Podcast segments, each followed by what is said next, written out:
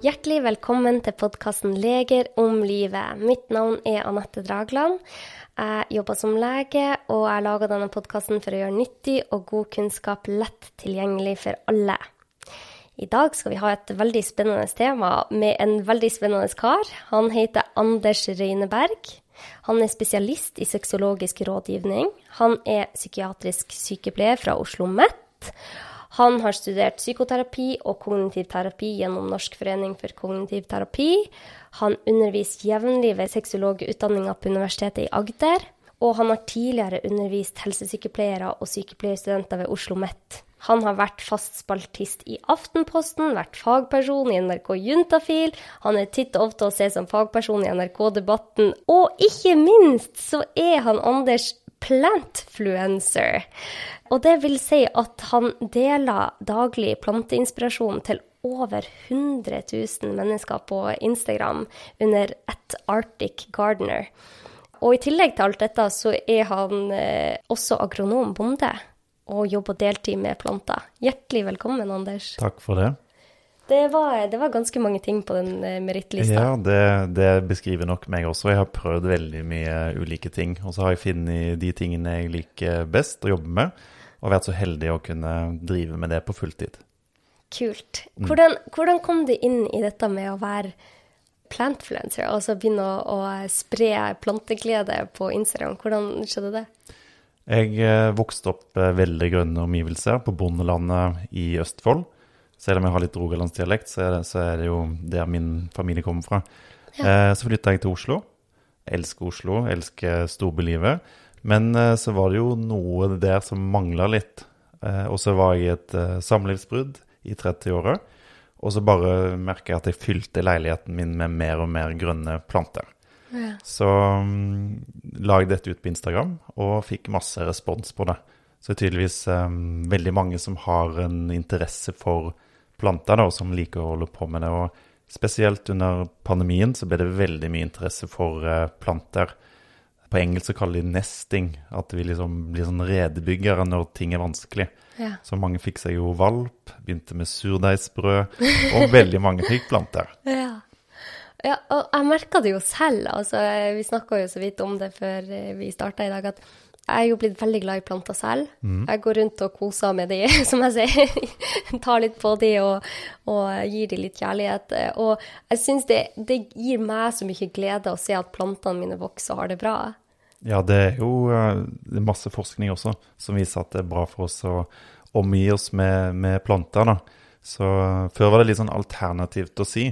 Mm. At det var litt sånn, litt sånn skrullete hvis en holdt på med planter og mente at det var så bra for oss. Men nå er det masse forskning som viser at det har masse å si for uh, god helse. da. Tenk det. Mm. Hvordan ser huset ditt ut? Veldig grønt. Eh, jeg hadde 300 planter eh, før, men eh, nå har jeg eh, liksom redusert det. Det ble for mye vanning. så nå er det vel sånn 150, da. Så hører dette også til historien at jeg flytta fra Grünerløkka i Oslo ja. eh, sammen med kjæresten min eh, Erik til Hadeland, som er en times tid utenfor Oslo, til småbruk. Ja. Så, og det var mye for å pleie da eh, grønn, grønninteressen, da. Både med hage, småbruk, litt dyrkning, men også masse inneplanter. Plantene vokste deg ut av leiligheten, du måtte ha noe større? Ja. Men 150 planter, altså hvordan klarer du å holde styr på hvem du har vanna til når, når altså? Det er noe, og hvis en har holdt på mye med planter, så kjenner en seg igjen i det. Du kan nesten gå inn i et rom og ense litt hva plantene trenger, eller hva de prøver å kommunisere. Så nå er det litt sånn at jeg kan se på en plante om den trenger vann eller ikke. Og så bruker jeg også fingrene på jorda. Bare er det fuktig jord, eller er den tørr? Eh, og det forteller meg jo om det er på tide å vanne eller ikke. Hmm. Men hva, hva viser forskninga? Altså, jeg merker jo at jeg syns det er veldig behagelig å ha grønne planter i mm. de fleste rom. Hva viser forskninga? Faktisk. Bare sånn eksempel på det, da. Det er En av de yrkesgruppene som eh, lever lengst i Norge, er jo gartnere. Og det forteller meg at det er masse god helse i å holde på med planter, men også med jord. Altså I jord er det jo mye mikroorganismer som er veldig sunt for oss. Så det er et sånn godt eksempel på at det er bra å holde på med dyrkning og planter. Det er noe veldig sånn dypt, en sånn basis i oss mennesker, tror jeg. og som flere og flere vender tilbake igjen til. da. Jeg har jo også sett på en del forskning som viser at eh, annet det var, en, eh, det var en, et stort område i USA der eh, trærne ble tatt av Jeg tror det var lønnetrær som ble tatt av en eller annen form for parasitt, så alle trærne i hele nabolaget døde. Og så viste seg det da at i årene etterpå, bare de første årene, så fikk de innbyggerne mye mer sykdom, mer mentale lidelser. Ja. Og det syns jeg er ganske fascinerende, at det påvirker oss i så stor grad. Hva, Ja, og, og et eksempel på det er jo også med institusjoner som ofte ikke har hatt så mye planter. Ja. Men en ser det på f.eks. sykehus, da, hvor det er planter, og at en kan se ut på natur, f.eks. en park eller trær. Det fører faktisk også til bedre sårheling, så sårene gror fortere hvis, hvis det er noen natur, noen planter der, bare ved å kunne se det, da. Så mm, masse god helse i det, og det er jo også noe å ta med seg inn i Helse-Norge. At uh, på institusjoner som ofte er helt sånn hvite-grå, Ja. så trenger vi uh, en slags tilførsel av natur, da. Vi er fra naturen, Ja, og vi Det- trenger naturen. absolutt. Det er jo også eh, studier nå som eh, Altså, de forsker masse på det, bl.a. i Sør-Korea, der de har begynt å gi som, som medisin da, til pasienter gå tur i, i skogen. De kaller det skogbading. Ja. Og så har det vist seg det at noen studier nå, dette er jo tidlig på forskningsstadiet, men det viser seg at når man er ute i naturen, så kan man få økt NK-celleaktivering. Og det er en type hvite blodceller. Og man vet ikke helt hvorfor det skjer, men man tror det er begrunna noe som heter fytonsider, som plantene avgir, som vi puster igjen inn. Og dette skal visst være veldig bra for oss. Og det er flere studier nå som har kommet som har vist det samme. Så jeg blir så glad når vi ser forskninga som viser at vi er så vi er så interconnected, hva heter det på norsk? Vi, vi, vi henger sammen med naturen på en veldig intrikat måte som vi enda ikke har fatta. Ja, absolutt. Og det er jo et, I dag er det mye snakk om at vi er veldig sånn pålogga hele tiden til sosiale medier. Eh, vi svarer kjapt. Eh, men det er noe med å Altså, folk begynner å få en slags motreaksjon til det, da. Og veldig mange søker mer det som er naturlig for oss, bl.a. å være ute i skog, holde på med planter. Eh, så jeg tror også det er en sånn dreining der som kommer til å komme mer og mer av, da. Bruker du planter inn i eh, terapirommet? For du er sexolog. Kan du fortelle først, hva, hva er en sexolog? Ja, en sexolog er jo uh, forskjellige ting. Sexologi er jo studie om menneskelig seksuell atferd, fantasier. Ligger veldig tett opp til eh, psykologien, men har jo da spesielt fokus på seksualitet. Eh, og sexologer kan gjøre mye forskjellige ting. Eh, tidligere så drev jeg med seksualitetsundervisning av unge. Reiste rundt i Oslo-skolene. Underviste de om ja, sex, kropp, seksualitet. Du kan jobbe på sykehus med de som har hatt kreft, eh, vært i ulykker, traumer, som rett og slett eh, har, det har gått utover seksualiteten deres, da, det som har skjedd. Så kan du være med og rehabilitere det. Hjelpe de videre med, med det seksuelle. Så kan du jobbe med forskning. Du kan eh, gjøre som meg, jobbe klinisk som eh, terapeut. Spesialist i sexologisk rådgivning. Så det er egentlig veldig mye forskjellig en sexolog gjør. Så det er et eh, universitetsstudie. I Norge finnes det på Universitetet i Agder. Og så krever det at du har en helsefaglig bakgrunn. Så det er en slags videreutdanning, da. Så leger, sykepleiere, psykologer, barnevernspedagoger, fysioterapeuter kan bli sexologer. Ah, det er interessant. Ja. Ok, så hvordan Jeg er litt interessert i hvordan Litt sånn nysgjerrig på hvordan din hverdag er, da, som sexolog. Da går jeg til kontoret mitt på Majorstua, og så har jeg eh, satt opp eh, fire til fem pasienter. Og så kommer pasientene inn, og så er det jo viktig at vi forstår hva problemet er, og det kan være veldig forskjellig. Men felles for de som kommer til meg, det er jo at eh, Altså jeg tenker at seksualiteten i utgangspunktet er noe naturlig som skal flyte, som skal være en god ting for oss mennesker. Og så har det skjedd ting i livet som har forstyrra den gode seksualiteten, da. Det kan være hendelser eller konflikter i parforhold, f.eks. Og så er det min oppgave å hjelpe pasienten å finne tilbake igjen til det som er bra med seksualiteten, da. Få den til å flyte mer igjen. Og jeg kan jobbe med stressresponser, for det forstyrrer jo ofte veldig seksualfunksjonen. Jeg driver med en terapiform som heter EMDR, som er en sånn traumeterapiform. Så jeg gjør egentlig veldig mye forskjellig, i tillegg til å eh, ja, oppløse de, gi de litt sånn Jeg kaller det for psykoedikasjon. da. At du lærer de å forstå hva som skjer i kroppen når uh, seksualiteten forstyrres. Har du sett at det er blitt lettere for mennesker å snakke om det, eller blir det vanskeligere? Altså, for det er litt sånn paradoks. Vi, det er så mye kropp og porno og Altså, det er så mye i media om seksualitet. Men jeg føler egentlig ikke at det er blitt lettere å snakke om det. Men hva syns du? Er det, er det flere som tør å gå til en sexolog? Hva Ja, felles for veldig mange av de som kommer, er jo at til meg da, som pasienter, er jo at de tidligere har møtt helsepersonell og har prøvd å ta opp uh, vanskeligheter i forhold til uh, seksualitet, men opplevd seg avvist. Fordi det er jo så privat, intimt og nært å skulle snakke om seksualiteten sin.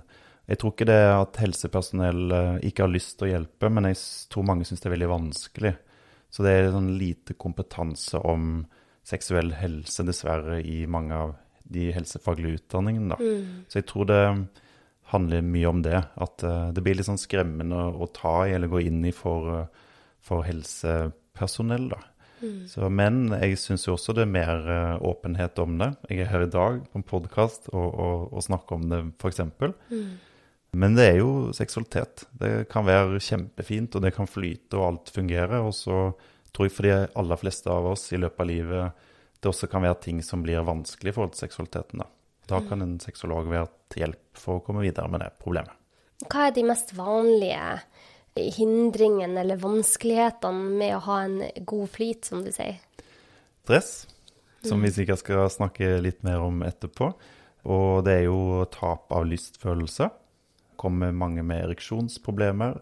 Jeg har også en del som har smerteproblematikk, altså rett og slett at det er vondt å ha f.eks. samleie. Og så går det mer på dette med identitet, selvfølelse. At um, altså for å kunne ha god sex, så må du også ha et noenlunde godt forhold til kroppen din, da. Så det går egentlig det går ganske bredt ut, da. Men felles for de fleste er at de kommer med noen sexologiske symptomer. Og under de, med mindre det er sykdom eller skader som forårsaker de, så er det ofte ja, emosjonelle konflikter, psykologiske ting, hendelser som kroppen har vært utsatt for, som, eh, som forstyrrer, påvirker seksualiteten. Da. Og det er nå å finne ut av hva det er for noe, og hva en kan gjøre for å komme videre med det.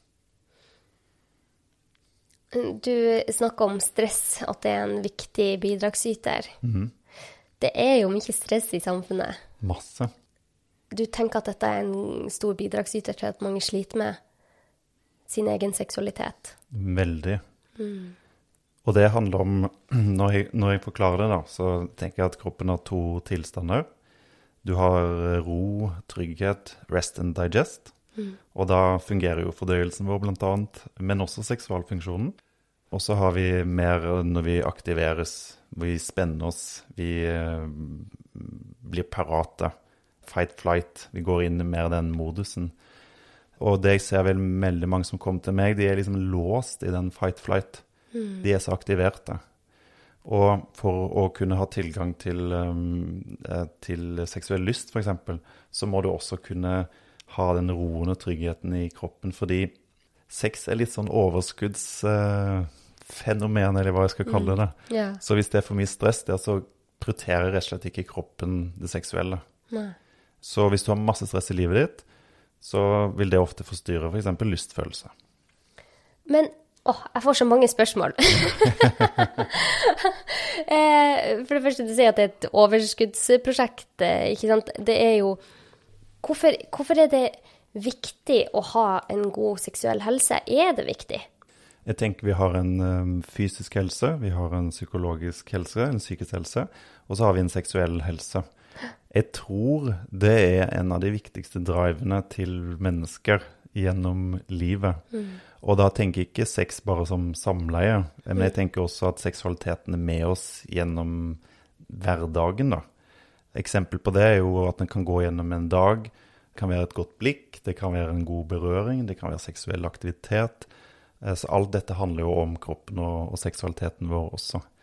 Og det å kunne ha godt forhold til um, kroppen sin Ja, jeg, jeg tror alle mennesker søker og ønsker gode seksuelle opplevelser, da. Så det, det, det er viktig for god folkehelse, tror jeg. Ok, så, så seksualitet er ikke bare rett under samleie, eller eh, Ja, altså det, det du sier at eh, seksuell, god seksuell helse er også ved at man er trygg på seg selv og kan gi et godt blikk til noen. Er det seksuell helse? Ja. Og jeg, jeg liker å ta det såpass eh, ned og ut. Kanskje et par tiår tilbake så var det veldig sånn at sex var samleie, og det var reproduksjon. Ja. Um, mens du kan selv liksom tenke etter De fleste ganger vi mennesker har sex, så er det jo ikke for å lage barn. Kanskje det er for et fåtall, men de fleste har jo ikke sex hver gang for at de vil lage barn. Eh, Så vi gjør det jo også av en annen grunn, og det er jo fordi det er noe som oppleves som meningsfullt og godt og viktig for kroppene våre. Men er det noen studier som viser at det å ha god seksuell helse er bra for resten av helsa vår? Det finnes det sikkert masse studier på. Jeg kan ikke komme opp med noen akkurat her og nå, men ehm, ja, det vil jeg tro at det finnes eh, gode studier på også. Men sånn erfaringsvis, når du hjelper dine klienter å få det bedre, merker du at de får det bedre i resten av livet òg? At det er noe som løser? Absolutt, eh, det henger jo sammen. Så hvis kroppen får kommet mye mer ned i det, det parasympatiske nervesystemet, når det blir mer sånn ro og hvile, så får en ofte en bedre seksuell helse. Ting fungerer. F.eks. ereksjon, som et eksempel. Eh, Men eh, hvis du får mer ro og hvile og mer eh, ja, trygghet i kroppen, da, så vil også det påvirke masse psykologiske ting, fysiske ting. Så alt henger sammen, da. Ja, vi skal gå nærmere inn på det, for at jeg vil gjerne lære alt det du snakker om med, med pasientene, så vi kan dele det videre. Men før det så har jeg lyst til å eh, spørre deg Dette med f.eks. porno. Hvordan For det er jo blitt vanligere og vanligere i yngre aldre. Jeg leste en artikkel som viste at eh, barneskoleelever blir eksponert for porno i stor grad. Hvordan tror du det påvirker vår seksuelle helse? Ja, jeg tror eh, porno påvirker oss og den seksuelle helsen. Det gjør noe med seksualiteten. Jeg skal ikke være den som sier at porno er roten til alt ondt, for det tror jeg ikke. Jeg tror også det kan være gode opplevelser med den for mange. Men at den gjør noe med oss, altså tilgangen til den, det er bare trykk på smarttelefonen, så, så har du det der. Og jeg ser det kanskje spesielt med de som er enda yngre enn meg, jeg er 43, kanskje en generasjon som er under meg igjen, at ehm, det har blitt et veldig sånn prestasjonsfokus når en skal ha sex. Jeg tror noe av det kommer fra porno som er veldig prestasjonsfokusert, da. Så en del sier at når de skal ha sex, så blir fokuset ikke på at de skal være til stede og at det skal være en god opplevelse, men at de skal være flinke. Ja. Så noen beskriver nesten som at de ser seg selv litt utenifra, og blir og vurderer seg selv. Ser jeg bra nok ut? Eh, Gjør jeg det på rett måte? Og det som, det som skjer da, er jo det som er mest uheldig for, for kroppen og, og det seksuelle, det er jo at den blir så frakobla. Så god sex handler jo om å være påkobla og til stede.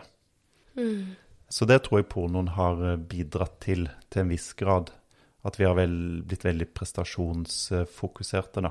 Og det er så trist, for at altså Sex er jo det mest naturlige i verden. Det er jo derfor vi er på denne jorda, for at Ja. våre fedre og mødre har uh, skapt oss. Altså, Absolutt. det er jo så naturlig, og hvis man skal begynne å tenke på hvordan man presterer i noe som egentlig skal være en ganske naturlig prosess, så er det jo veldig vanskelig. Ja. Hvordan, hvordan går du fram da for å, å trygge klientene dine, eller hva, hva lærer du eh, studentene dine? Gi oss alt du kan. Ja, det, det er jo veldig mange forskjellige måter og innfallsvinkler, da. Og det spørs jo helt hva pasientene ønsker å jobbe med. Noen kan uh, like jobbe mer fysisk, at de jobber med pust, f.eks. Pust er en kjempeeffektiv måte for å komme ned i kroppen, bli roligere, få mer kontakt. Og da blir det også mer tilstedeværende.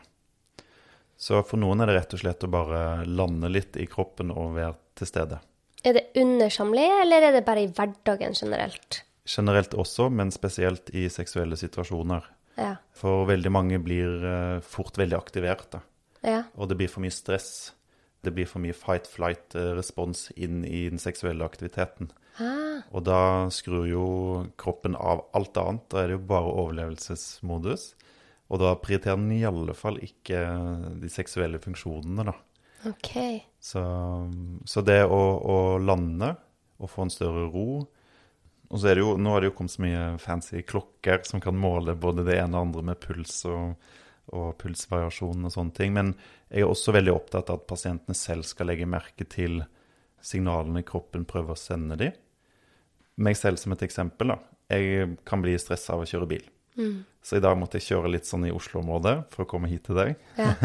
og da kjenner jeg at jeg får litt sånn mikrosvette i hendene. De Ja. blir litt sånn klamme. Kan også bli litt sånn kalde. Kan kjenne at magen min spenner seg. Og alt er jo tegn på at uh, det er en stressrespons i kroppen. Så veldig mange av mine pasienter har f.eks. mye spenninger i kroppen som de ikke alltid er så klar over. Og når du spenner deg veldig når du har sex, så blir det ikke noe god opplevelse. Fordi det handler jo mye om å, å slappe mer av og slippe kontroll, da. Så det å lære seg litt eh, egen kropp, legge merke til signalet den, den sender ut, og ikke minst hva du kan gjøre for å, å roe ned stresset, da. Blant annet med, med pust. Men tør de å ta dette opp med partneren sin? Det varierer. Ja. Men det er også en ting som reduserer stress, det er faktisk å si noe om det. Vi er flokkdyr, og det å dele vanskelige ting Og noe av det vanskeligste og kompliserte for oss er jo ofte dette med seksualitet. Men for de fleste, hvis de sier at når du gjør sånn seksuelt, så Det liker jeg ikke. Altså det er noe med grensa, det. Og når du får sagt det, så får de fleste en mer sånn ro. Kan slappe litt mer av, da. Jeg kommer til å tenke på en eh, pasient jeg hadde en gang. Det var når jeg var helt fersk i eh, legeyrket. Og han var ung, og så kom han til meg, og så sa han eh, jeg trenger antidepressiva. Så jeg OK, nå må jeg høre litt mer. Hvordan er livet? Nei, livet er kjempebra. Jeg har det superbra. OK, eh, ja, men um, du ønsker antidepressiva. Nei, for at han har lest på internett at han trengte det for at han slet med prematur ejakulasjon, og at eh, det kom til å hjelpe. Åh, jeg ble, og så blir jeg så lei meg. Sant? For at man tenker at man trenger et utenforstående medikament for at man skal få en god seksuell opplevelse. For det første så er det? Da er man allerede Da stoler man allerede ikke på kroppen sin. Og så hadde han en kompis som hadde bestilt det på nett, og det hadde fungert så godt. Og jeg hadde ikke nok kunnskap. Jeg ser tilbake på det, jeg skulle ønske jeg satt med den kunnskapen jeg hadde nå. For det jeg prøvde å fortelle han, var jo at eh, ja, du er god nok som du er, snakk med dama di om det. Prøvde å liksom komme inn, men han var, det var helt uaktuelt for han å gå inn på temaet. Han ville ikke snakke om det, han ville bare ha den medisinen. Og den fikk han jo ikke fra meg. Men jeg ville gjerne at han skulle komme tilbake, sånn at vi kunne snakke om det, og han kom aldri tilbake, ikke sant? Og det er sikkert at han bestilte på nett eller hva som helst, men hvordan innfallsvinkel ville du gått i møte med han? For jeg har tenkt på han mange ganger, og dette er jo et kjent problem, det er en kjent problemstilling. For det første, hvorfor er det så mange som sliter med det? Altså tidlig sædutløsning eller Ja. uønsket sædutløsning. kan være forskjellige grunner til det. En ting som mange kan ha, det er jo at um, kroppen blir veldig spent i seksuelle situasjoner. Den spenner seg, den blir veldig aktivert. Det blir veldig sånn fight-flight. Eh, og en måte for kroppen å få mindre spenning på, det er jo faktisk å få tidlig sædutløsning. Fordi det som skjer hos menn, det er jo at de blir veldig rolige etter eh, sædutløsning. Så eh, det er jo det kroppen søker. Den vil helst ha, ha det roligere når den blir stressa. Så, så en kan tenke på tidlig særutløsning på den måten, da. Det er en slags spenningsutløsning, Mm. selv om den er uønska. Så en annen måte som Det er han- veldig interessant, Ja. da. Liksom hvordan sammenhengene er her. Absolutt, absolutt. Kroppen prøver jo å fungere så godt den kan, Ja. ikke sant? Ja. Ja, OK. Ja. Mm. Så jeg prøver også å være pragmatisk, da. Jeg tenker iblant så trenger vi medisiner. Mm. En kombo, kanskje. Både å liksom jobbe med seg selv og, og medisiner. F.eks. dette med Viagra Cialis Mm. for de som sliter med ereksjonsproblemer. Fordi noen ganger så er det rett og slett bare det at kroppen får noen gode opplevelser, at den liksom mestrer det. Mm. Um, Kroppen lærer seg til at den, det kan gå bra. ja. Ja. Så jeg er ikke sånn enten-eller med medisiner, men selvfølgelig det beste det er jo å spille på lag med kroppen, lære å lytte til den.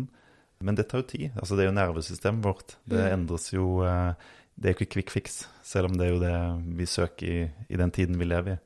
Så pasienten må også på en måte ha en tålmodighet inn i det, da, hvis de, vil, hvis de skal lykkes med det. Mm. Så her igjen, du går tilbake til nervesystemet igjen og igjen. Jeg syns det er veldig interessant. Eh, For jeg tror at mange ikke har tenkt over at det er nervesystemet som Ja. fungerer under en eh, seksuell eh, situasjon. Altså det Alt henger sammen med alt. Ser du da at det, det jeg bare kan tenke meg til da, er at hvis man klarer å ha det Ha ro i hverdagen, at det blir automatisk lettere eller bedre for de under Ja, Ja. Jeg, jeg tror det. Jeg tror eh, Jeg tenker eh, det er to ting som kan være til hjelp med det du sier, da. Det er å redusere det ytre stresset. Og det er nesten sånn fælt Det kommer småbarnsforeldre til meg, jeg vet det er kjempestressende i, Ja, ja. i livet. Eh, men det er noe med Iblant så er livet rett og slett for mye, og det er for mye stress. Og det påvirker seksualfunksjonen til mange. Ja, det var, det var vel det jeg tenkte jeg skulle si eh, om det. Jo, det var den andre tingen som er viktig. Jeg tenker med det, dette med disse pulsklokkene og sånne ting.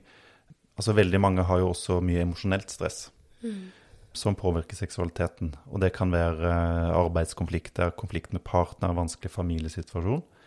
Eh, og det er jo noe mer enn indre ting. Så jeg, jeg har jo tro på eh, maks å, kunne jobbe med begge ting, da. Både det ytre stresset og presset, men også det som er inni oss. å løse opp i ting. Og jeg bruker en metode som heter EMDR, som er en sånn egentlig en traumeterapimetode. Og det, det er rett og slett for å få mer ut av det her gamle tingene som sitter igjen i kroppen vår. da. Prosessert ut, bearbeida ting. Og, det slipper så mye Det blir mindre spenninger inni oss, da. OK, hvordan gjør man det? E- eh, Hvordan gjør EMDR i, i praksis? Ja? For å forklare det veldig kort, da, så har vi jo noe som heter rem-søvn. Og i den rem-søvnen så bearbeider vi ting. Ja? Følelser, tanker. Det er jo derfor vi legger oss og sover, og så føler vi oss ofte lettere dagen etterpå. Ja, ja, ja. Jeg bruker å kalle remsøvna vår indre psykolog. Ja, ikke sant? Den er kjempeviktig. Så derfor, du er jo opptatt av søvn, og jeg er helt med på det at det, det er jo en veldig god måte å også jobbe med seksualiteten på. da. Alt, eh, all, alle seksuelle funksjoner fungerer bedre med god søvn. Så, Ah, det er, ja. Alt henger sammen med alt. ja, absolutt. Så eh, med EMDR, da, så eh, Jo, når vi er i rem-søvn, så beveger øynene våre fram og tilbake. De er lukka øynene våre, men, men de går fram og tilbake. Eh, Så det vi gjør i EMDR, det er at du, du setter deg foran eh, terapeuten, og så tar jeg opp eh, fingrene mine som terapeut, og så beveger jeg de til høyre og venstre. Så følger pasienten de. Ja. Og så kan vi få den rem-tilstanden mens, mens en er våken. Og så kan du sitte der og bearbeide ting sammen med en terapeut som kan guide deg. Kanskje gjøre det på en mer effektiv måte, da. Så man snakker om en traumatisk hendelse, f.eks., Ja. mm. Mens du sitter og, og ser på fingrene.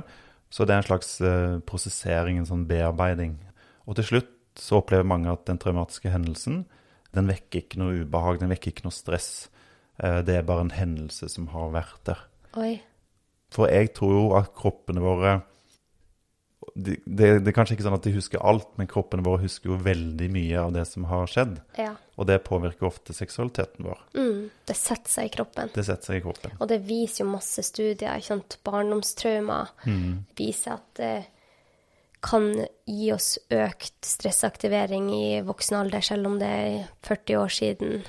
Altså, det, er, det har satt seg i nervesystemet på et eller annet vis.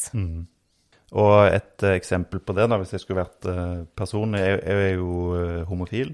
Vokste opp i et veldig religiøst miljø hvor det var veldig sånn tabubelagt uh, å være skeiv eller annerledes. Eller var feil, da. Uh, og det kan jeg merke fremdeles med kjæresten min i dag. Hvis han prøver å gi meg kyss, f.eks., så må jeg alltid se rundt meg. Er det liksom trygt? Før jeg kan gi han et kyss tilbake. Eh, og det tror jeg rett og slett er nervesystemet mitt som er på vakt, fordi det har tidligere hatt en erfaring med at jeg måtte være på vakt. da. Så jeg jobber med det. men men jeg, jeg Ja, det er bare en sånn respons i kroppen min. Så, um, og det er noe å bli bevisst og kanskje prøve å, å gjøre det på en annen måte, og lære kroppen sin at det er trygt, da. Og så alt handler om Hvis man er bevisst på noe, så kan man gjøre noe med det. Ja. Men det er jo så mye som er underbevisst. Masse. Og det tenker jeg også jobbe med seg selv, f.eks. ens egen seksuelle historie, og det er jo et livslangt prosjekt. Det er alltid ting å lære og finne ut av. Så det er iallfall ikke noe quick fix, tenker jeg. Jeg syns det er veldig fint at vi kan snakke om det. Hvorfor, tenker, hvorfor brenner du så for dette? Hva, hva, hvorfor tenker du at dette er så viktig? Som personlig, for meg inn i det, da, så har jeg jo hatt erfaring med at seksualitet Med å være skeiv og vokse opp i et veldig sånn konservativt miljø. Så det har blitt en sånn personlig ting for meg. Jeg, det var nok derfor jeg gikk inn i sexologien også. Skulle finne ut av ting. Både for min egen del, men også for å kunne hjelpe andre. Så um, nå kan jeg jo på en måte bruke mine egne erfaringer også til eh, å hjelpe andre. Og da har det blitt en slags mening med det. Så det er sånn personlig hvorfor jeg brenner for det. For jeg vet hvor forstyrra seksualiteten kan bli, men også hvor bra det kan bli da, hvis en får kommet seg videre med det. Eh, og så tror jeg um, det er god folkehelse å ha god seksuell helse. Så det å drive med seksualitetsundervisning for unge, f.eks., tenker jeg er kjempeviktig. eh, Danne basis for eh, eh, mye av den gode helsen videre i livet, da. Hvordan ville du snakka med barn om det?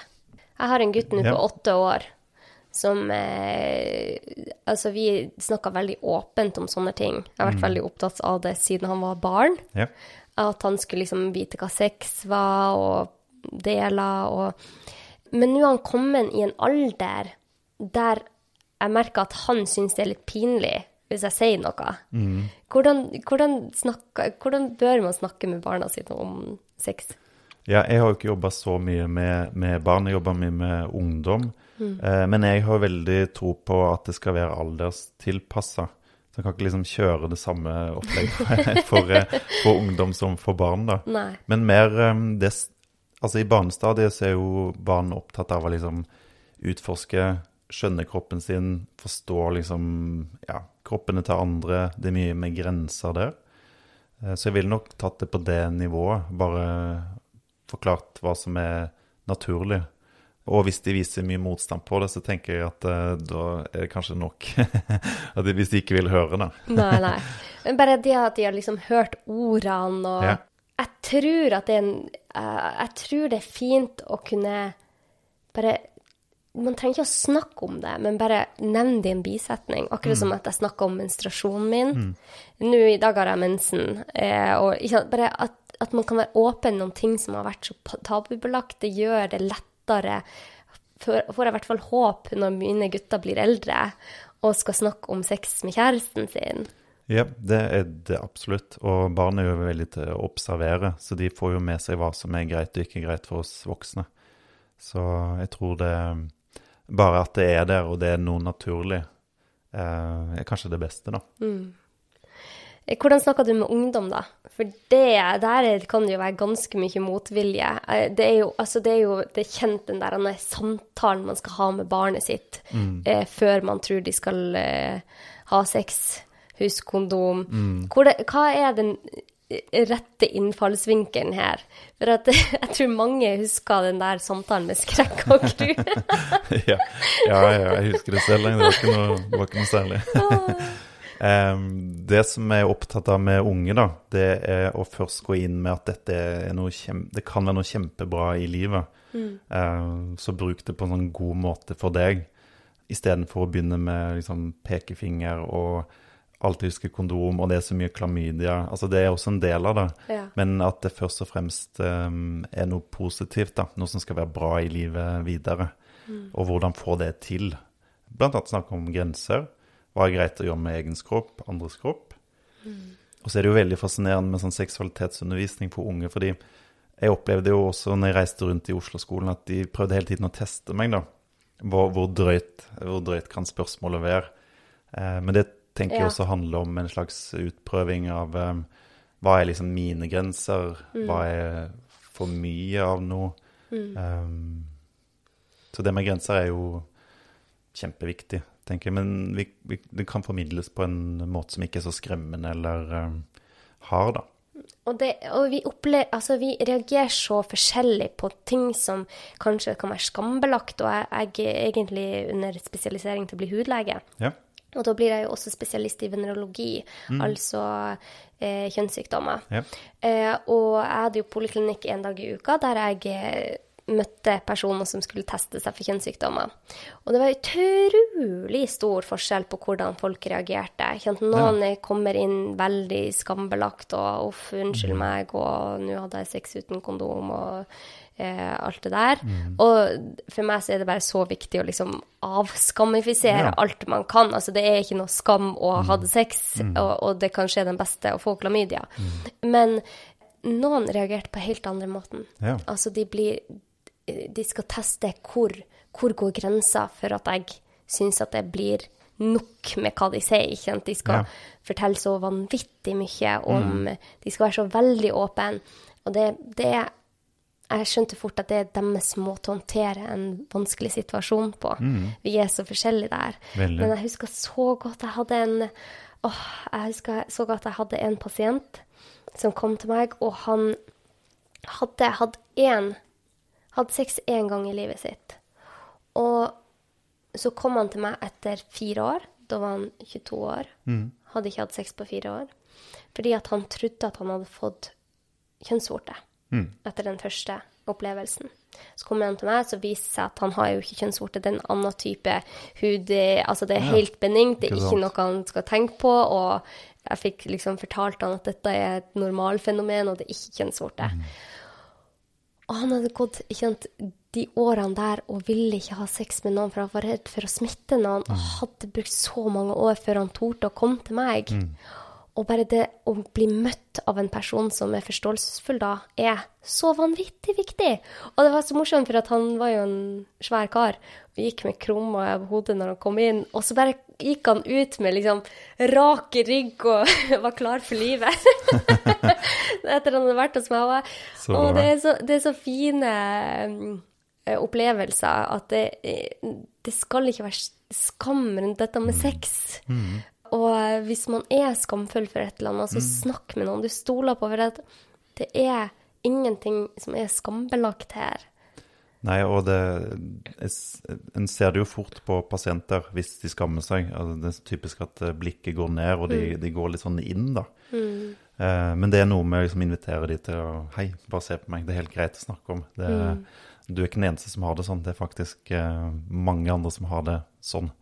Så, og det kunne liksom, jobbe mot den skamfølelsen tror jeg er veldig befriende for, for mange. da. Mm. Og igjen, vi er flokkdyr. Vi trenger å bli eh, møtt eh, og bli fortalt at sånn vi føler det eller har det, er helt greit. Men vi kan hjelpe hverandre, da. Ja, så. vi kan hjelpe hverandre. Altså, er det én ting skam ikke tåler, og det er dagens lys, Absolutt. da forsvinner det hen. Så hvis man kan snakke med noen man stoler på, så vil ja. det være så mye lettere. OK, men jeg har veldig lyst til å spørre deg. Alle som er seksuelt aktive, mm. hva anbefaler du for å ha en god seksuell helse? La oss si at det ikke er noen som sliter med traumer eller sånn, men syns bare det er vanskelig å snakke med partneren sin. Mm.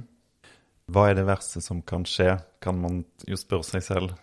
hvis en skulle sagt noe om det til partner, er det noe som kan dø av det? det er jo eh, gode spørsmål, bare for å sette det i perspektiv, da. Mm. Så jeg har tro på og, og det å kunne dele, snakke noe åpent om det. Men noe er privat og, og er ens eget, mens andre ting kan en dele med, med partner. Og så er det jo å gjøre ting som er bra for kroppen, som også påvirker seksualiteten, da. Som du har snakka mye om i podkaster tidligere. Puste bra. Hvordan pusteøvelse er det du anbefaler? Ja, jeg kan, jeg kan ta en uh, nå, bare sånn jeg, gjorde, jeg gjorde, den i går med, med sexologstudentene. Jeg var underviste de i, i går. Er dette en øvelse du ønsker at, eller tenker man kan ta under en, eh, et samleie, eller er det noe man skal gjøre utover dagen? Du kan, eh, Først og fremst er det sånn forebyggende. Men du kan også, du kan også bruke øvelsen delvis under sex. Men det er rett og slett eh, en bremsepust, kaller jeg det. Oh, ja. Og det er at du trekker pusten vanlig inn gjennom nesa, og så bruker du nesten dobbelt så lang tid på å puste det ut igjen. Og det du gjør da, at du bremser, du bremser pusten, gjør den langsommere og dypere. Og det sender også signaler til det parasympatiske nervesystemet at uh, kroppen mer, går inn i mer ro. da. Så hvis du sliter med for mye stress under sex, mm. eh, hvis du blir frakobla, tankekjør, spent, mm. så kan du bruke pusten inn i sexen også. Mm. Så hvis jeg skulle vist det nå, så trekker jeg da pusten inn gjennom nesa. Sånn.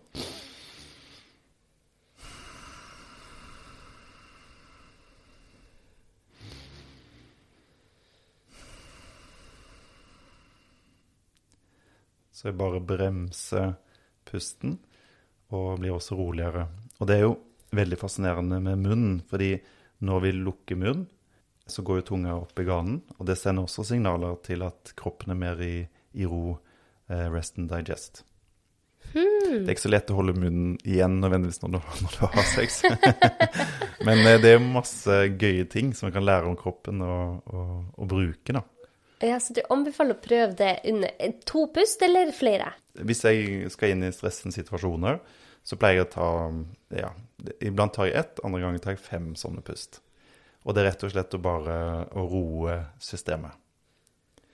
Og også under seksuell aktivitet så er det bare å kunne merke OK, nå kjenner jeg at jeg blir spent eller kroppen er stressa. Jeg skal bare roe litt ned her. Jeg roer litt, kanskje litt ned på tempo, legger merke til pusten. Og da får du også umiddelbart kontakt inn. Mm. Og det er det som gir god sex, mener jeg, da. Mm. Eh, veldig sånn ytre fokus. Blir vi frakobla, og det skaper ofte problemer. Mm. Så kontakt, kontakt, kontakt. kontakt. Ok, Så nå har vi snakka om pusten. Er det andre ting? Andre ting som eh, hjelper også. Eh, vi har snakka om det med å si noe om det. Det reduserer ofte stress. Mm. Som flokkdyr. Bare å dele ting bruke pusten. Og så er det jo alle disse andre tingene også, som um, gir god HRV, altså pulsvariasjon. Fordi det jeg ser da, mange som kommer til meg, de, de, de evnen fra å gå fra aktivering, fra stress, til mer ro, rest and digest, den, det er et potensial der for veldig mange av de som kommer. Så jeg selv, da jeg, eh, Det jeg gjør for min HRV, det er at jeg tar kalde bad. Det syns jeg er helt fantastisk. Ja. Og det er helt rart at jeg sier, for jeg har liksom vokst i en familie hvor det var det verste som fantes, det var kulde. og det jeg gjør da, det er at når jeg går ut i vannet, jeg går i Randsfjorden der jeg bor, ja. det er at jeg um, passer på å ikke gå ut med sånn fight-flight, spent muskulatur og er liksom veldig aktivert, men at jeg puster rolig inn ut gjennom nesa når jeg går ut i det kalde vannet. Uh, jeg ønsker den mer velkommen som en venn, holdt på å si. Mm. Eh, det er en måte å få eh, bedre pulsvariasjon på. Jobbe med pusten. Gjøre det et par ganger daglig. Sove godt. Alt det der påvirker jo også. Ja. Og ja, være interessert i å finne ut av uh, seksualiteten din. Jeg tenker det er en uh, seksuell reise. Uh, og det er masse potensial i å kunne ha gode seksuelle opplevelser. Som kanskje mange ikke bruker nok, da.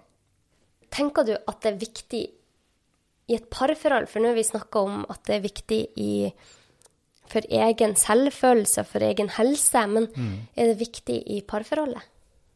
Og, og kommunisere, tenker du, eller, Ja, eller hva å som ha er et til hjelp? godt sexliv. Ja. Det er ofte en sånn indikator for hvordan relasjonen er, tenker jeg iblant. Så er vi jo kjempeforskjellige som mennesker. For noen er jo det seksuelle veldig viktig, for andre er det ikke så viktig. Så det skal vi også ta med oss inn. Men det jeg ofte ser med par, da, det er at eh, det de kommer lengst med, det er å bare forstå hverandres ulikheter.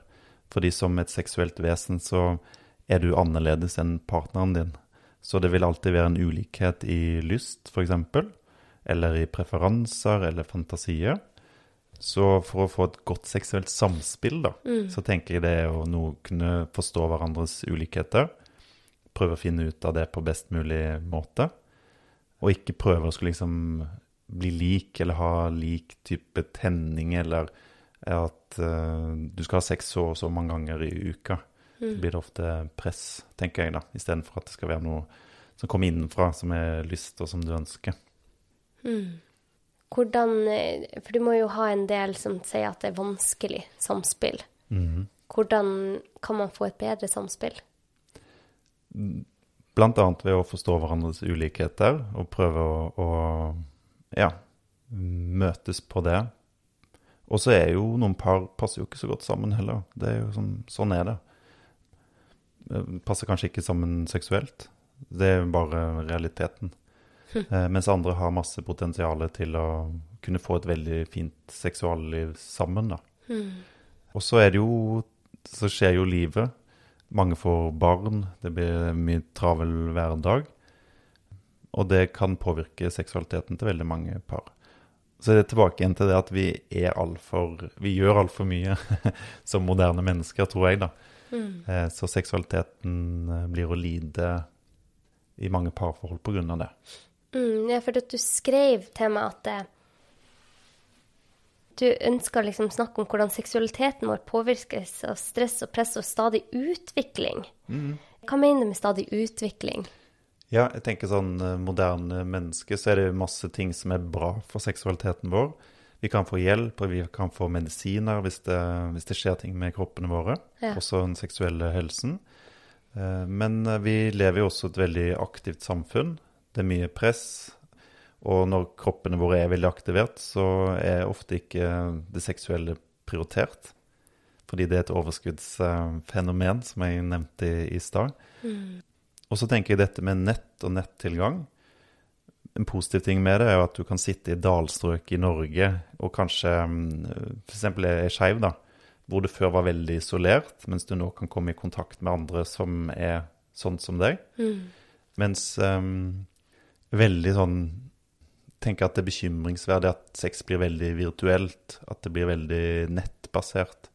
Og et land som Japan, som er veldig sånn eh, teknologisamfunn, hvor veldig mye av seksualiteten har blitt på nett. Sexting eller eh, ja, andre typer ting, da. Bruk av porno, f.eks. Så er jo en ganske stor andel av den voksne japanske befolkningen de er ikke seksuelt aktive lenger med andre. Og mange har heller ikke seksuelle erfaringer med andre. Og det tenker jeg er ikke bra for eh, helsen vår. I sykepleien så kaller vi det for hudsult. Og det er rett og slett at um, hvis du ikke blir tatt på, ikke får den nærheten, intimiteten med andre, så, så er det noe kroppen liksom sulter etter, da. Så jeg eh, tror også mennesker må ha sex på ordentlig. jeg tror det er sunt for oss, da. Mens eh, mye av den har jo blitt over på, på nettet. Og det jo, ser jeg også er jo brutalt. Eh, altså, jeg møtte kjæresten min på nett, så de fleste gjør jo det. Så mye fint med det også. Men eh, disse sjekkeappene som Tinder og Grindr, det er jo veldig masse avvisninger hele ja, tiden. Ja. Og det ser vi også av forskning, at det er jo hardt for oss mennesker som er flokkdyr, å skulle få så mye avvisninger eller bli valgt bort. Så det er jo også noe med selvfølelsen vår som igjen påvirker seksualiteten, tror jeg. Så ja. Fordeler og, og ulemper. Det er fordeler og ulemper. Mm. Hvordan kan vi som moderne mennesker navigere best mulig i dette? Nei, jeg tror jo um, vi må tilbake igjen til mer hva som er bra og naturlig for oss uh, mennesker, da. roe litt ned på tempo. Og selv så er jeg jo kjempeaktiv. Jeg liker å gjøre ting og finne ut av ting. Men jeg vet også at uh, det er sunt for kroppen min å ha noen pauser gjennom dagen eller sove godt på natta. Ja, så det, dette påvirker igjen seksualiteten vår, da. Vi, vi, vi, vi, trenger ro for å ha god sex, tror jeg. Mm. Det er jeg helt enig med deg i. Mm. Det har vært en skikkelig hyggelig prat, og jeg er så glad for at du er så aktiv i å formidle om dette. Det gjør det lettere for andre å snakke om det. Det gjør det lettere å snakke med partneren sin, snakke med noen man stoler på. Kanskje gå inn i det som man kanskje ikke hadde tort før. Mm. Og det å gjøre mindre skambelagt det er så utrolig bra. Så jeg er så glad, Anders, for at du går rundt og formidler om dette. Så bra. Jeg pleier å stille et siste spørsmål til alle mine gjester. Mm. Og det er at eh, hvis du måtte forlate denne planeten i dag, mm.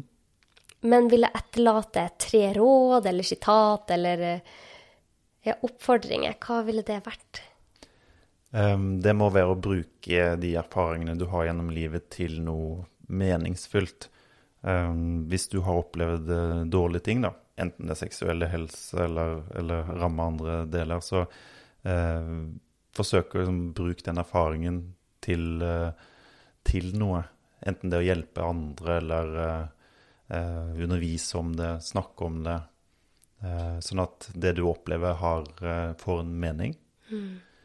Og så Ja, hva annet skal det være? Det, jo, planter.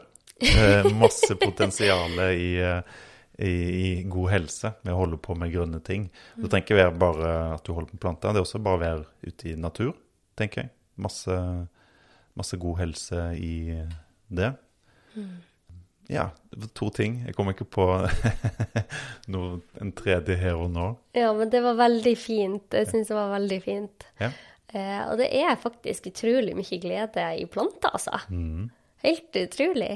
Ja, det, det, er jo veldig avstressende. Ja. Så, og plantene de går ikke noe sted, de er liksom bare der. Så enkle har med å gjøre, de også. Ja, Så kommer man i kontakt med mikrobiomet, som vi snakka om i stad. Mm. Altså det, det, er så eh, Planter trenger et godt miljø for å leve, og trenger et rikt mikrobiom med masse bakterier og mangfold. Og det er jo mm. akkurat sånn vi menneskene er òg. Vi Helt trenger òg det. Helt likt. Mm, vi er en del av naturen. Ja, vi er mm. det. Tusen takk for at du, du, tok deg tid til å være med i dag. Takk for at jeg ble spurt om å komme hit. Det var en veldig god opplevelse. Og hvis eh, dere som lytter, tenker at denne episoden er til nytte for noen, så send den til dem. Og eh, du kan nå han eh, Anders på Jeg har en nettside som heter sexologiogterapi.no. Ja.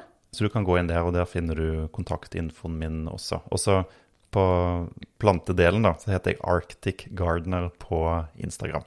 Og du har skrevet noen bøker. Hva heter de? De heter Plantelykke og Plantebonanza. Og de er faktisk blitt oversatt til elleve språk. Nei. Så det er kjempegøy. Det er en stor uh, planteinteresse også ute i verden. Kult. Veldig artig. Ja, og eh, hvis du har noen spørsmål til meg, så kan dere bare skrive til meg på Leger om livet på Facebook eller Dr. Anette Dragland på Instagram.